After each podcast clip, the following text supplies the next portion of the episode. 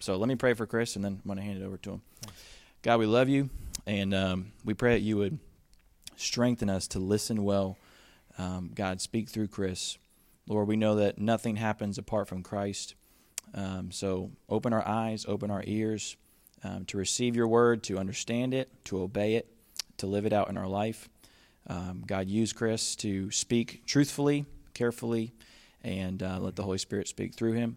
Thankful for him and his faithfulness to our church and to such an amazing uh, ministry and job that he has, equipping the church to fulfill the Great Commission and send missionaries all over the world. So help us to learn how we can be a part of that in a practical way. In Jesus' name, amen. amen. All right, y'all give it up for Chris. All right, thanks. It's a pleasure to be here. It's a joy to actually have a chance to share God's word with you tonight. Uh, this is actually my first time sharing to the youth, and so uh, if I never get asked again, I'll know how tonight went, right, Mark? Just kidding. Just kidding. Um, no, it's, it's great to be here. I hope that, if nothing else tonight, you have a deeper appreciation for God's word and a better sense of understanding of God's calling on your life. So, tonight, we're going to be looking at Ephesians 3. So, grab your Bibles, grab your tablet, grab your iPhone, whatever you got, break it out, go to Ephesians 3, and while you do that, I have some questions for you. Lots of questions for you tonight. So, who remembers little things that we used to have before coronavirus called parties? Right? Remember, we all used to get together at somebody's house, and it used to be a fun time. We would hang out. Y'all remember that? Yeah. I'm it's having a hard time remembering it, too. We had birthday parties. We had baby showers. We have, how many seniors do we have in the room, actually? High school seniors.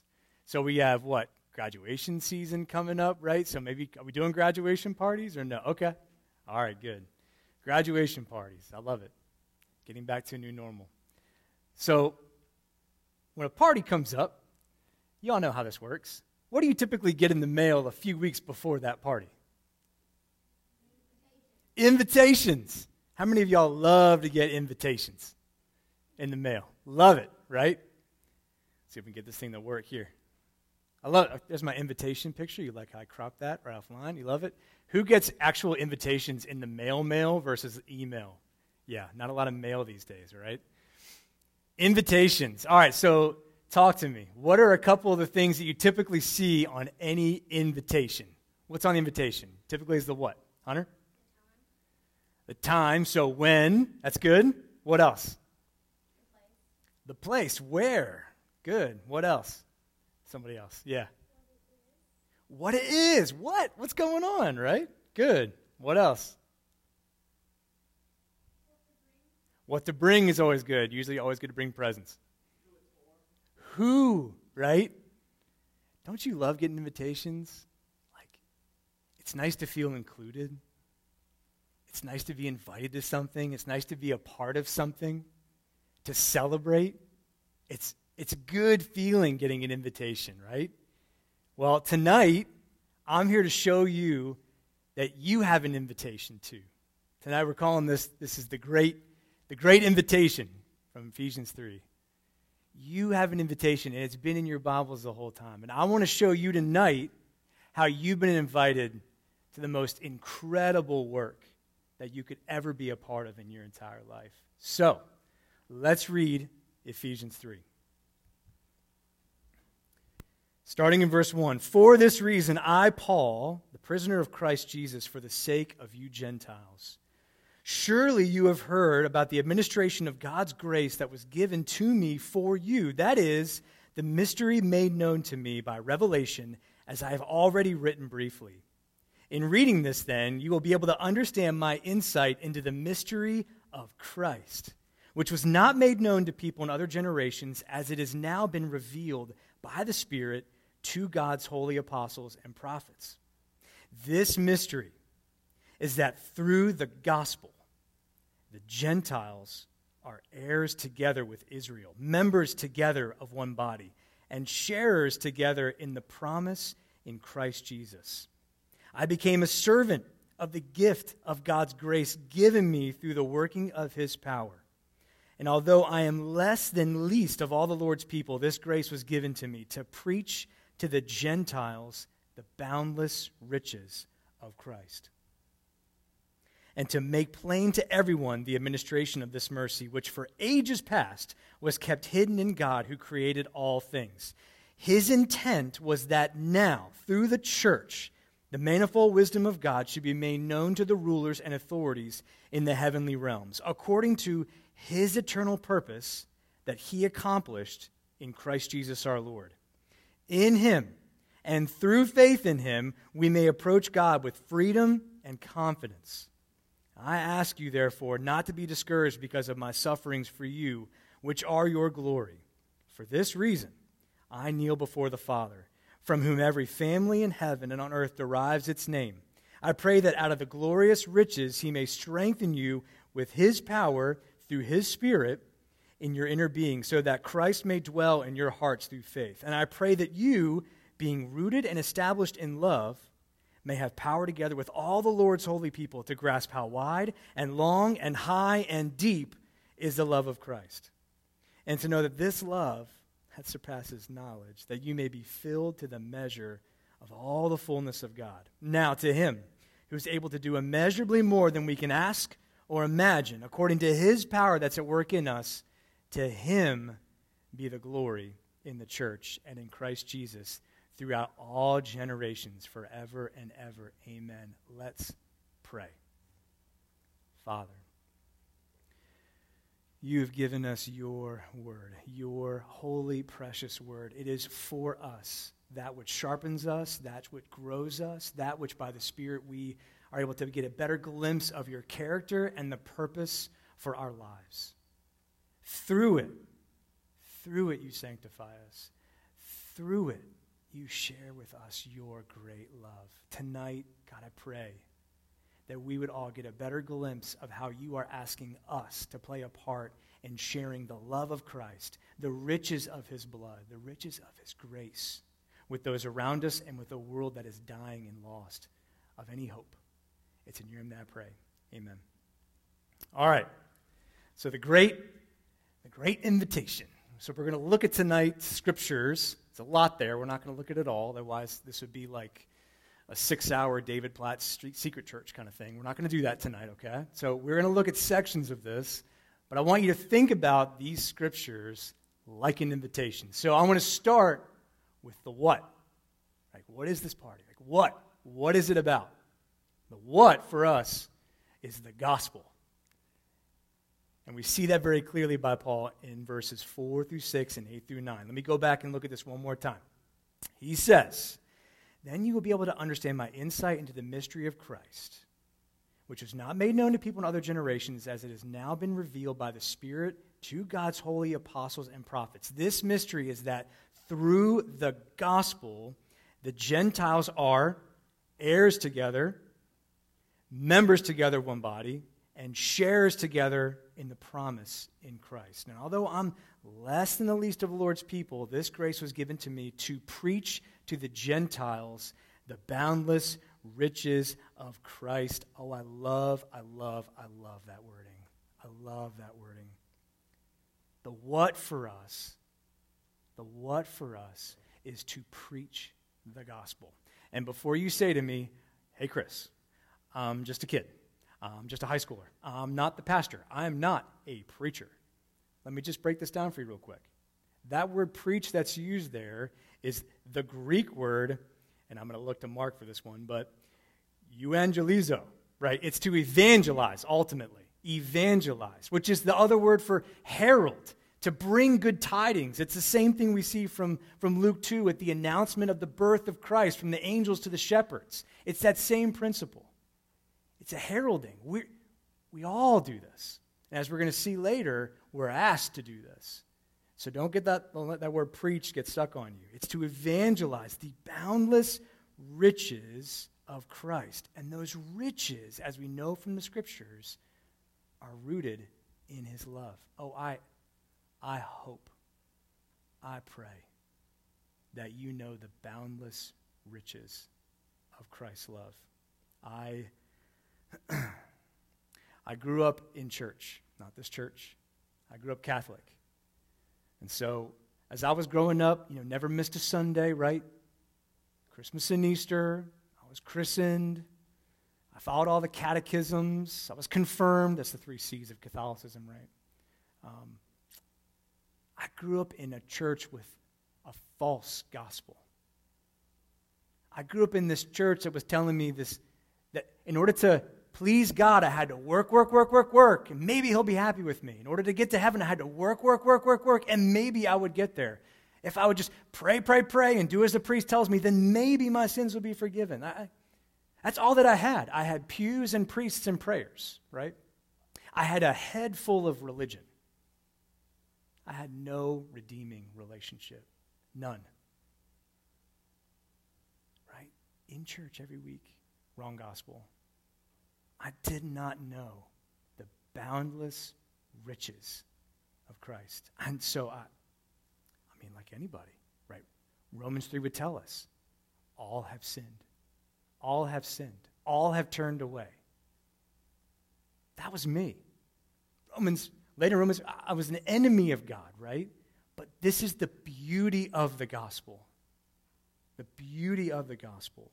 At just the right time, I was still a sinner, Christ died for the ungodly. Romans 5 6. At just the right time, Christ died for sinners, for the ungodly, for me, me, who was angry at God, me, who had such a, a weird view of God, who I thought was just always mad at me for never being good enough. That my walk, my, my attempts at being perfect, and I was a good kid, y'all, right? I tried to get good grades and please my parents. That all that was useless because it was never about me, it was always about Christ.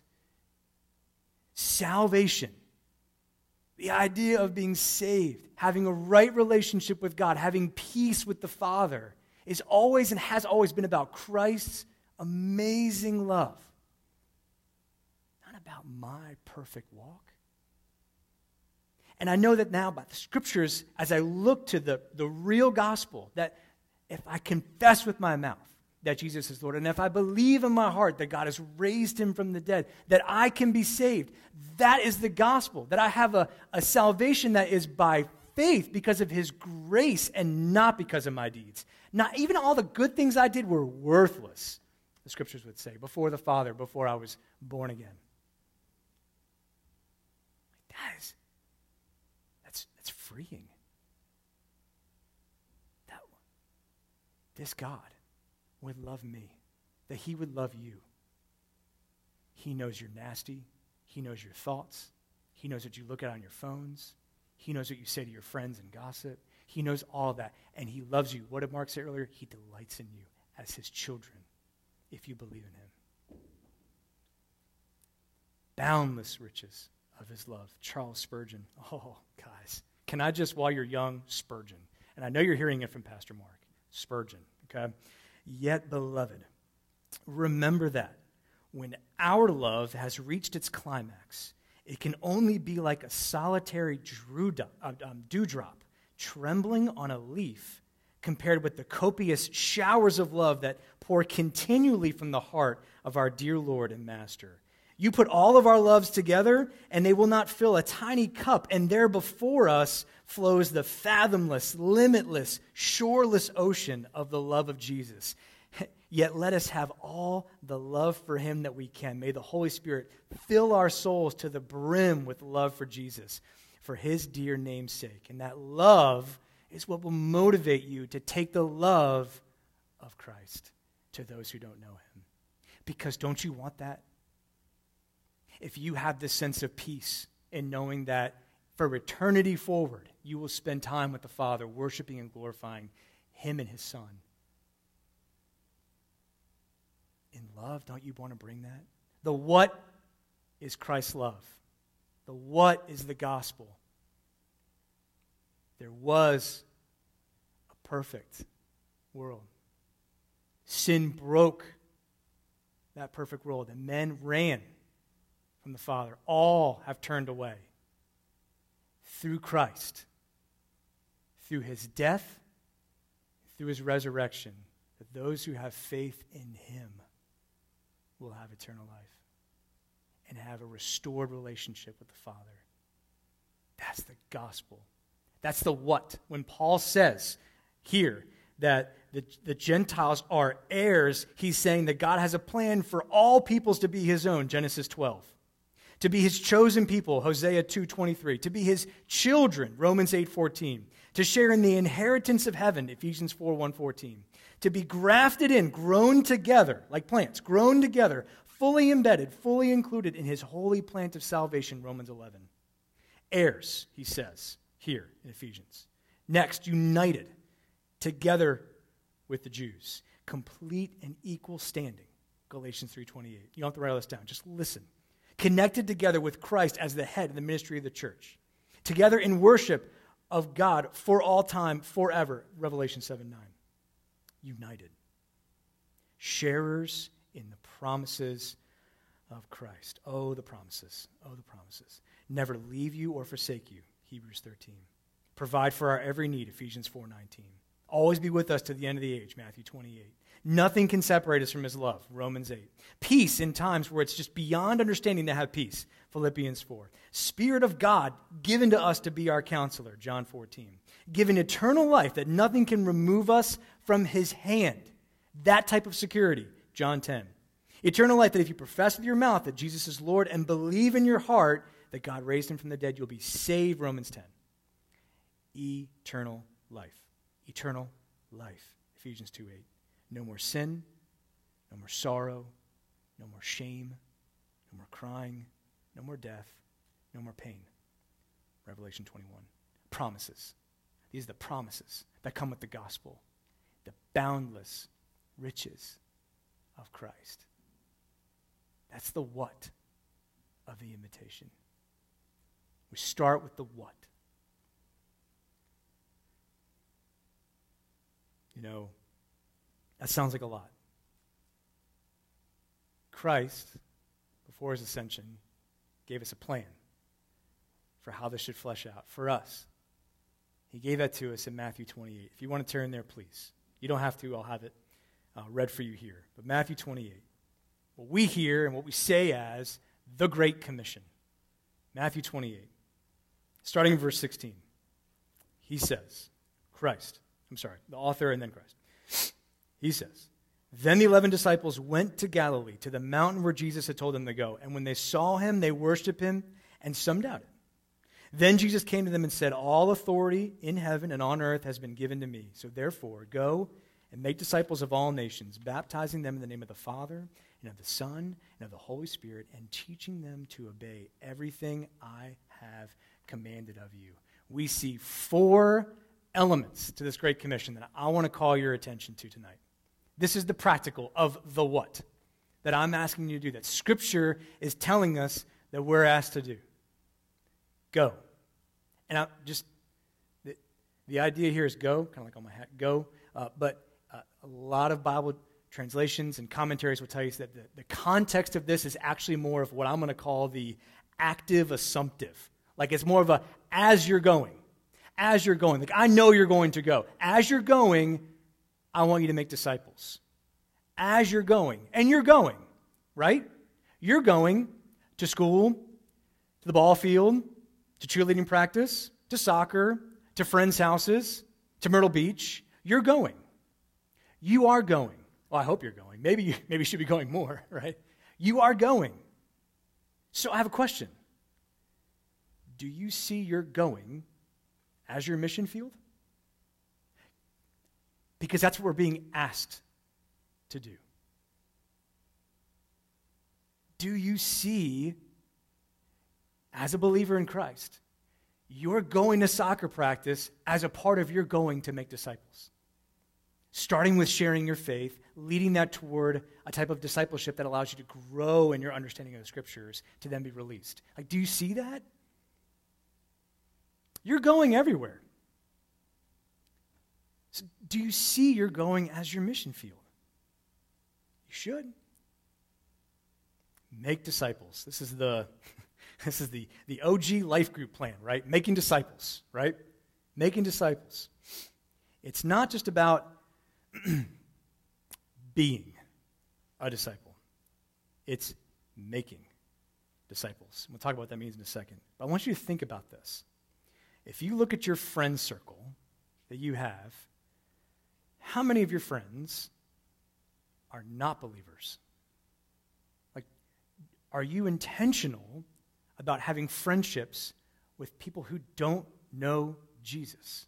Now, there's a caution here because we don't want those friends to be our, our ear or our, our guide in times of trouble. We want friends that know Jesus and know the scriptures to lead us toward how we should act in times of trouble and in times of good, right? But do we have friendships with people that don't know Christ? I mean, think about that. How do you spend your time?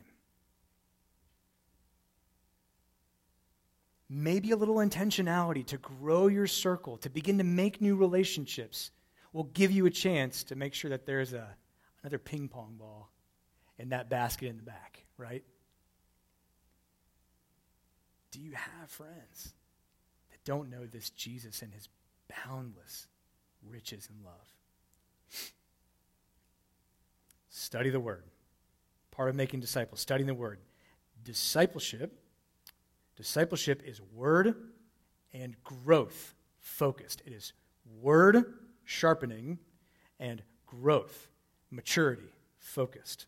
It is not about hanging out and fellowshipping. That's a component that makes it fun. It is about the word and growth. So as you do spend time in discipleship, are you spending time doing the right things? Just think about these things.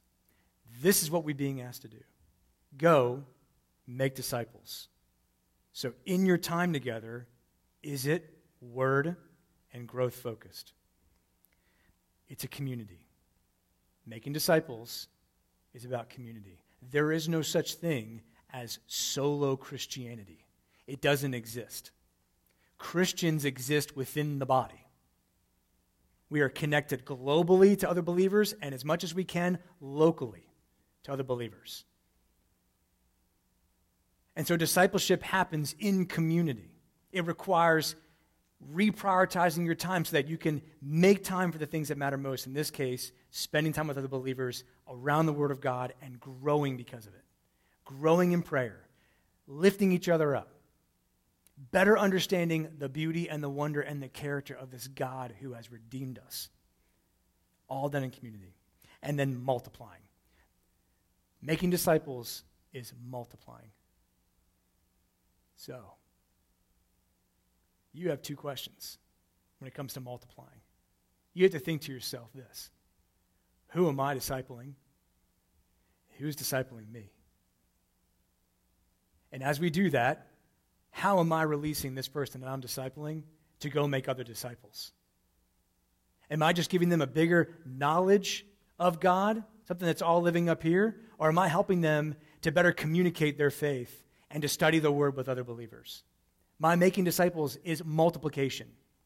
This is the spreading of the church. Sharing our faith, studying the Word of God, and releasing people to go and repeat that to the ends of the earth. Baptizing. It's our identity in Christ, right? It's our identifying with Him in His life, His death, and His resurrection. Go ye therefore, make disciples, baptize them in the triune God, in the name of the Father, the Son, the Holy Spirit. Our belief in God, who He is, the perfect triune nature of God, author of our salvation, that which redeems us, that which elects us, and that which holds us for the day of salvation, seals us for salvation. We baptize in the name of the triune God. That's the gospel right there. Baptism is our public profession. And so it's not enough just to say, well, I believe in Christ and never tell anybody, right? Oh, yeah, I have somebody who I, do a study group with, and yeah, you know, we look at the Bible together and all that. No, no, no, no, no, no, no, no, no. It is our identity in Him. It's our identifying with His suffering so that we can also identify with Him being glorified. Baptism is important. There's also some dangers in this. I, for one, after was saved, spent many years wrestling with the idea of baptism. Do not, do not be like me. I cannot believe that I waited five or six years after I was saved to follow obediently into baptism. Let me tell you that the scriptures ask of this as obedient followers of Christ. And so we should be promoting this as we work with those who are now coming to faith in Christ. The ask is to be baptized, join the church. It's a public profession of our faith. Finally, teaching them all that I've commanded you. The final part of our practical nature of the what. How, how are you going to teach what you don't know? S- sorry, are you, are you spending time in this word? Like you should be doing it as a part of making disciples and being discipled. But are you studying this? This is what we're being asked to do teach all that Christ has commanded. We find that here in the scriptures. And so, my ask of you tonight is this Are you prioritizing time to do that? I'm telling you, it's the most important thing on your to do list. The most. I would also argue you should start your day with it. But if you find any time during the day, that's important. But it's your priority. It's what you're being asked to do. All right. That's the what. How about the where? We're going to move on. That was a long time on the what. The where. The Gentiles. Same scriptures. We don't have to read them again. The Gentiles. Gentiles is a word that's used commonly throughout the New Testament canon, and it often refers to the nations. The word Gentiles in the Greek is actually the word ethnos. Does anyone know what that word sounds like? Ethnos. You see on the screen. Yeah? Ethnicity, that's right. It's the word that we uh, derive, the English word now, ethnicity. Ethnicity. And so as we look at ethnicity, we usually call, in, in missions life, in church life, we, we refer to ethnicities as people groups. So we look around the world and we see somewhere between 11 to 12,000 people groups. That's people that are defined by specific culture, customs, religion, language, right? They have a, a social structure. We, we look at them individually and not just where they are regionally. China, there's one of the largest people groups, one of the largest gatherings of Chinese people is in Lima, Peru, where we go for mission trips to go see the Smiths all the time, right? There's like some over 200,000 Chinese in Peru. So we look at people groups defined by their different customs and culture and language. That's their ethnicity to a degree, but that's what the scriptures are referring to. People that are defined or marked by their culture, customs, religion, language. God's heart is for all of them, the Gentiles. So, what does that mean for you? My question is do you see the Gentiles, the ethnos, the ethnicities around us? Here's a better question. When you look around your friendship circles, when you look around all the places you typically go during any given week, does it look a lot like this room right now? All from around the same economic class, race, religion. This is, this is pretty monoethnic right now, right? Do you even see the nations that are around us here in Richmond? Are you paying attention? Do you, are you intentionally making relationships with people that do not look like, sound like, care about the things that you like? That's what Paul is trying to tell us here. God is telling us that he has a heart for and wants to unite together not just the Jews, his original chosen people, but that that through Christ it extends to all the nations. All the nations. And we see that ultimately fulfilled in Revelation 7 9 through 11. We see that when we see that every tribe and nation and people and language are before the throne and before the Lamb, and they're worshiping together. Every. Every. Not some, not a few, but those from every. And so when Paul's telling us that we have to go to the Gentiles, that's a really big task. Too big for God. Certainly not too big for his church. It's not. It's a big task. There's a lot of people groups, but it can be done. So, the next is the who. I just touched on this a second ago. The who, the church. The church. He says in verse 10, back in Ephesians, His, it's God's, His intent was that now, through the church, the manifold wisdom of God should be made known to the rulers and authorities in the heavenly realms, according to His eternal purpose that He accomplished in Christ Jesus our Lord. Church, that's the who. You know, do you ever wonder why, you know, if, if God's plan is to save all peoples, you know, why He wouldn't just all of a sudden just drop Bibles in every single language into the hands of every person around the planet? I mean, He could. He's God. He could do that, right? He, if He wanted to. Like, he could. He could just say, here's the Holy Scriptures, read this. You choose for yourself whether you believe in me or not, but here, at least you can read it for yourself, right? You, like, do you ever wonder why he doesn't just do that? No, because he chooses to use the church. Like, that's the beauty of this gathering, the church, the ecclesia, the, the, those that are gathered together for a special purpose. That's us. He invites us into this incredible body of work. We get to join him in what he is doing in transforming hearts to love Jesus, the church. And again, I hear you. You're thinking to yourself, okay, that sounds like Mark's job. That sounds like Pastor Monty's job. I hear you. It's the church. Yes, absolutely. Let's just get them to hear, and then they can hear the gospel by our pastors, right? That's not how it works. That's not how it works. The Great Commission is for every believer. Every believer. It is for the whole church. And that includes you students. That includes you.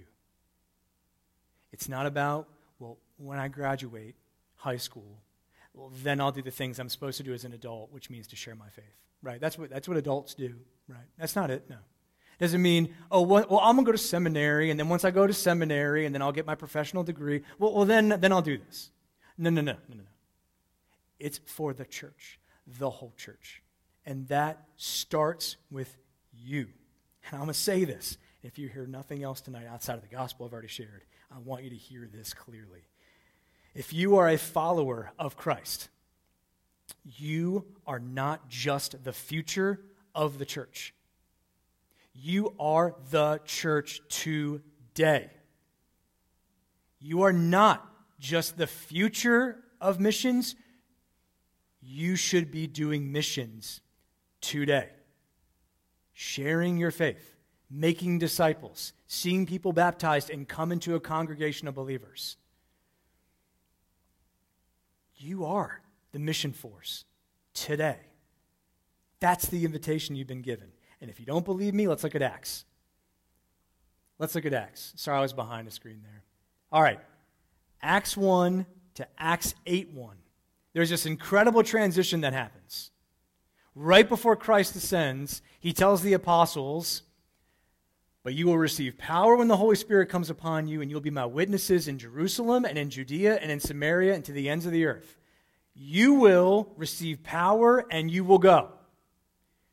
Here, a little bit farther from here, and then much farther from here, essentially, right? To the apostles. But guess what? After the stoning of Stephen in chapter 7, we see this happen. And on that day, a great persecution broke out against the church in Jerusalem, and all except the apostles were scattered. And they went through Judea and Samaria. Godly men buried Stephen, and they mourned deeply for him. And Saul began to destroy the church, going from house to house, dragging off men and women and putting them in the prison. But those who had been scattered preached the word wherever they went. Preached, evangelized, heralded Christ. Not the apostles, they stayed. Now, they still shared their faith. It was those who were scattered that went to Judea and Samaria and now to the ends of the earth. It's for the whole church. It's not just for a select few, it is for the church. And if you are a believer in Christ, you are a part of the bride, which is the body of the church. This is for you. And if you say to me, okay, I hear you, but I'm young. What can students do? Okay, I have something to tell you about students and missions. Who knows what this is? A stack of hay, right? A stack of hay. So there's a, it's really, I'm going to do this story really uh, not great justice, but um, you know, the, the modern missions movement, going back into the late 1800s, was started by students.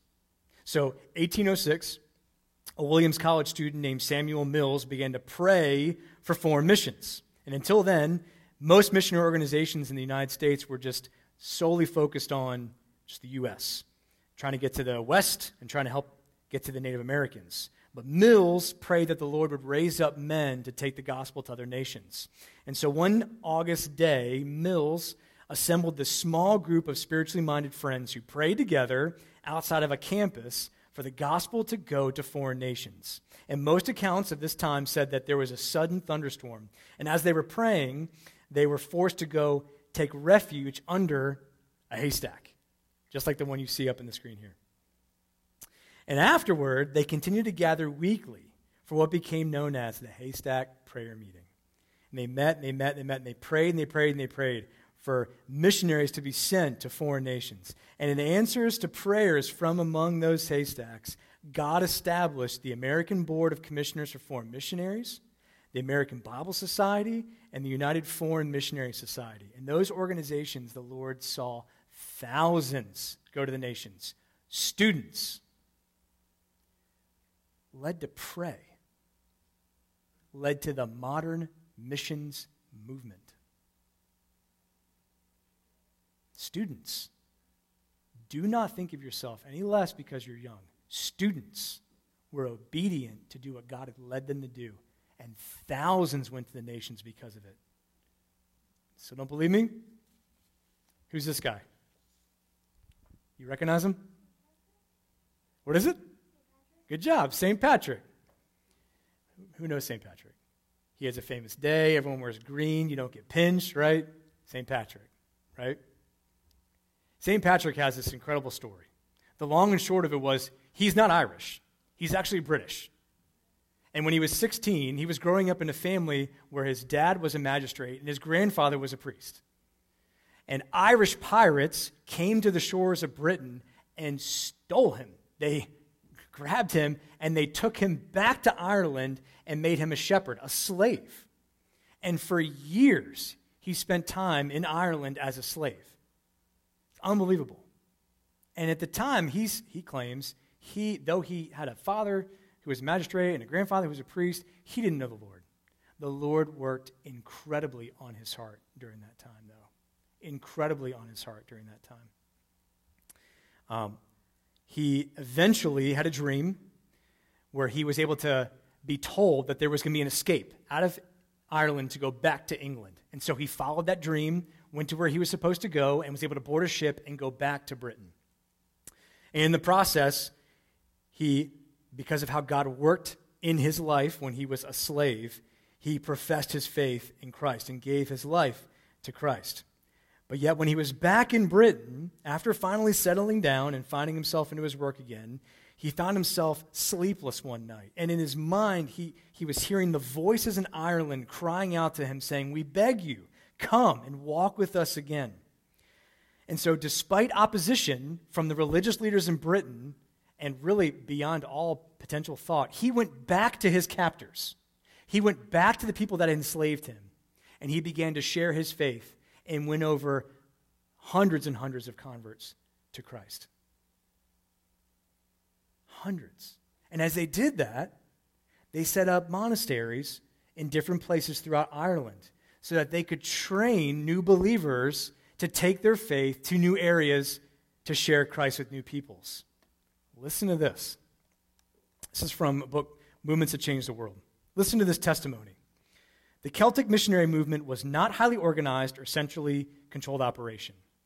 Under Patrick's influence, wave after wave of Irish youth flooded into monastic life. And most monasteries began in remote places when their founders withdrew from the world, only to be pursued by throngs of young men who were eager to follow their example. The monasteries were places of spiritual devotion and learning, but they were also sending centers. And the Irish church took on a character of a missionary movement. And for centuries, Ireland became the, became the base from which Christianity spread throughout the British Isles into much of Western Europe and Northern Europe as monks followed the call to go pilgrimage for Christ. Youth, students. For hundreds of years, missionaries and scholars went out from Ireland, while students from many of these lands came to Ireland and left inspired to become missionaries. For the next 500 years after St. Patrick died, the next 500 years, youth of Ireland and their disciples fanned out across Europe, winning converts, making disciples, and multiplying missionary outposts. And wherever they went, they carried their books and their love of learning. They revitalized European culture and possibly saved civilization following the fall of the Roman Empire. Don't tell me that just because I'm a student, this is not for me. There's two examples. How about the Jesus movement of the 60s? How about even in modern days, the student volunteer missions movement of the 90s and the 2000s, when we saw thousands upon thousands of students go out for short term trips, winning countless thousands more for Christ? Beautifully obedient nobodies. This is students. This is for you. Students are needed for this work. I'm going to finish quickly with the why about God's glory. Ephesians 20.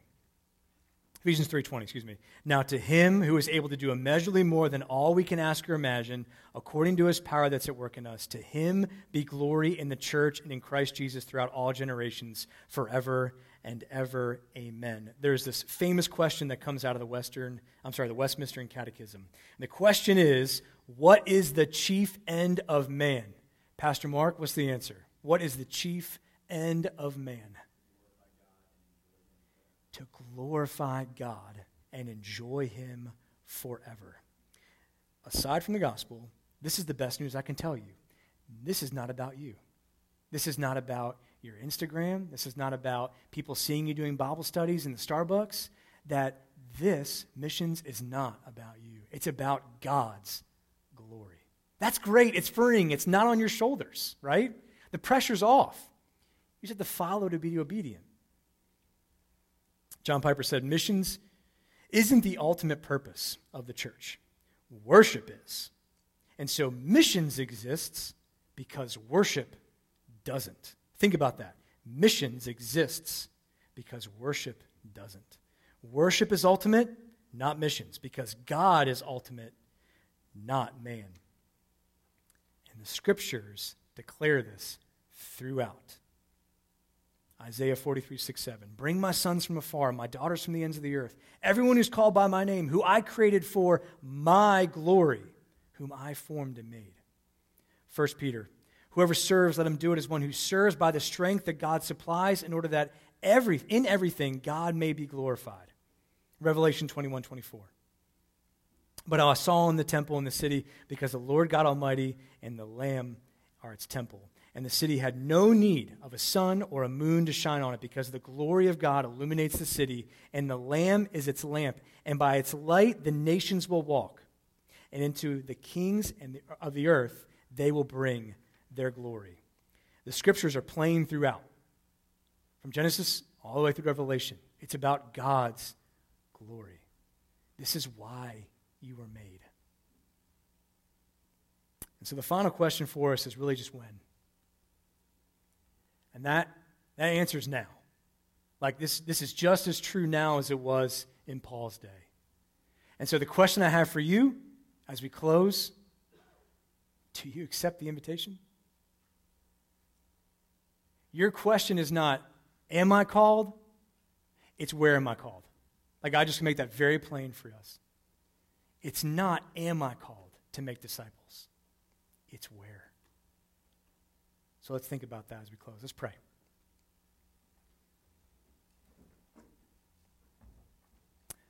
Father, you are good.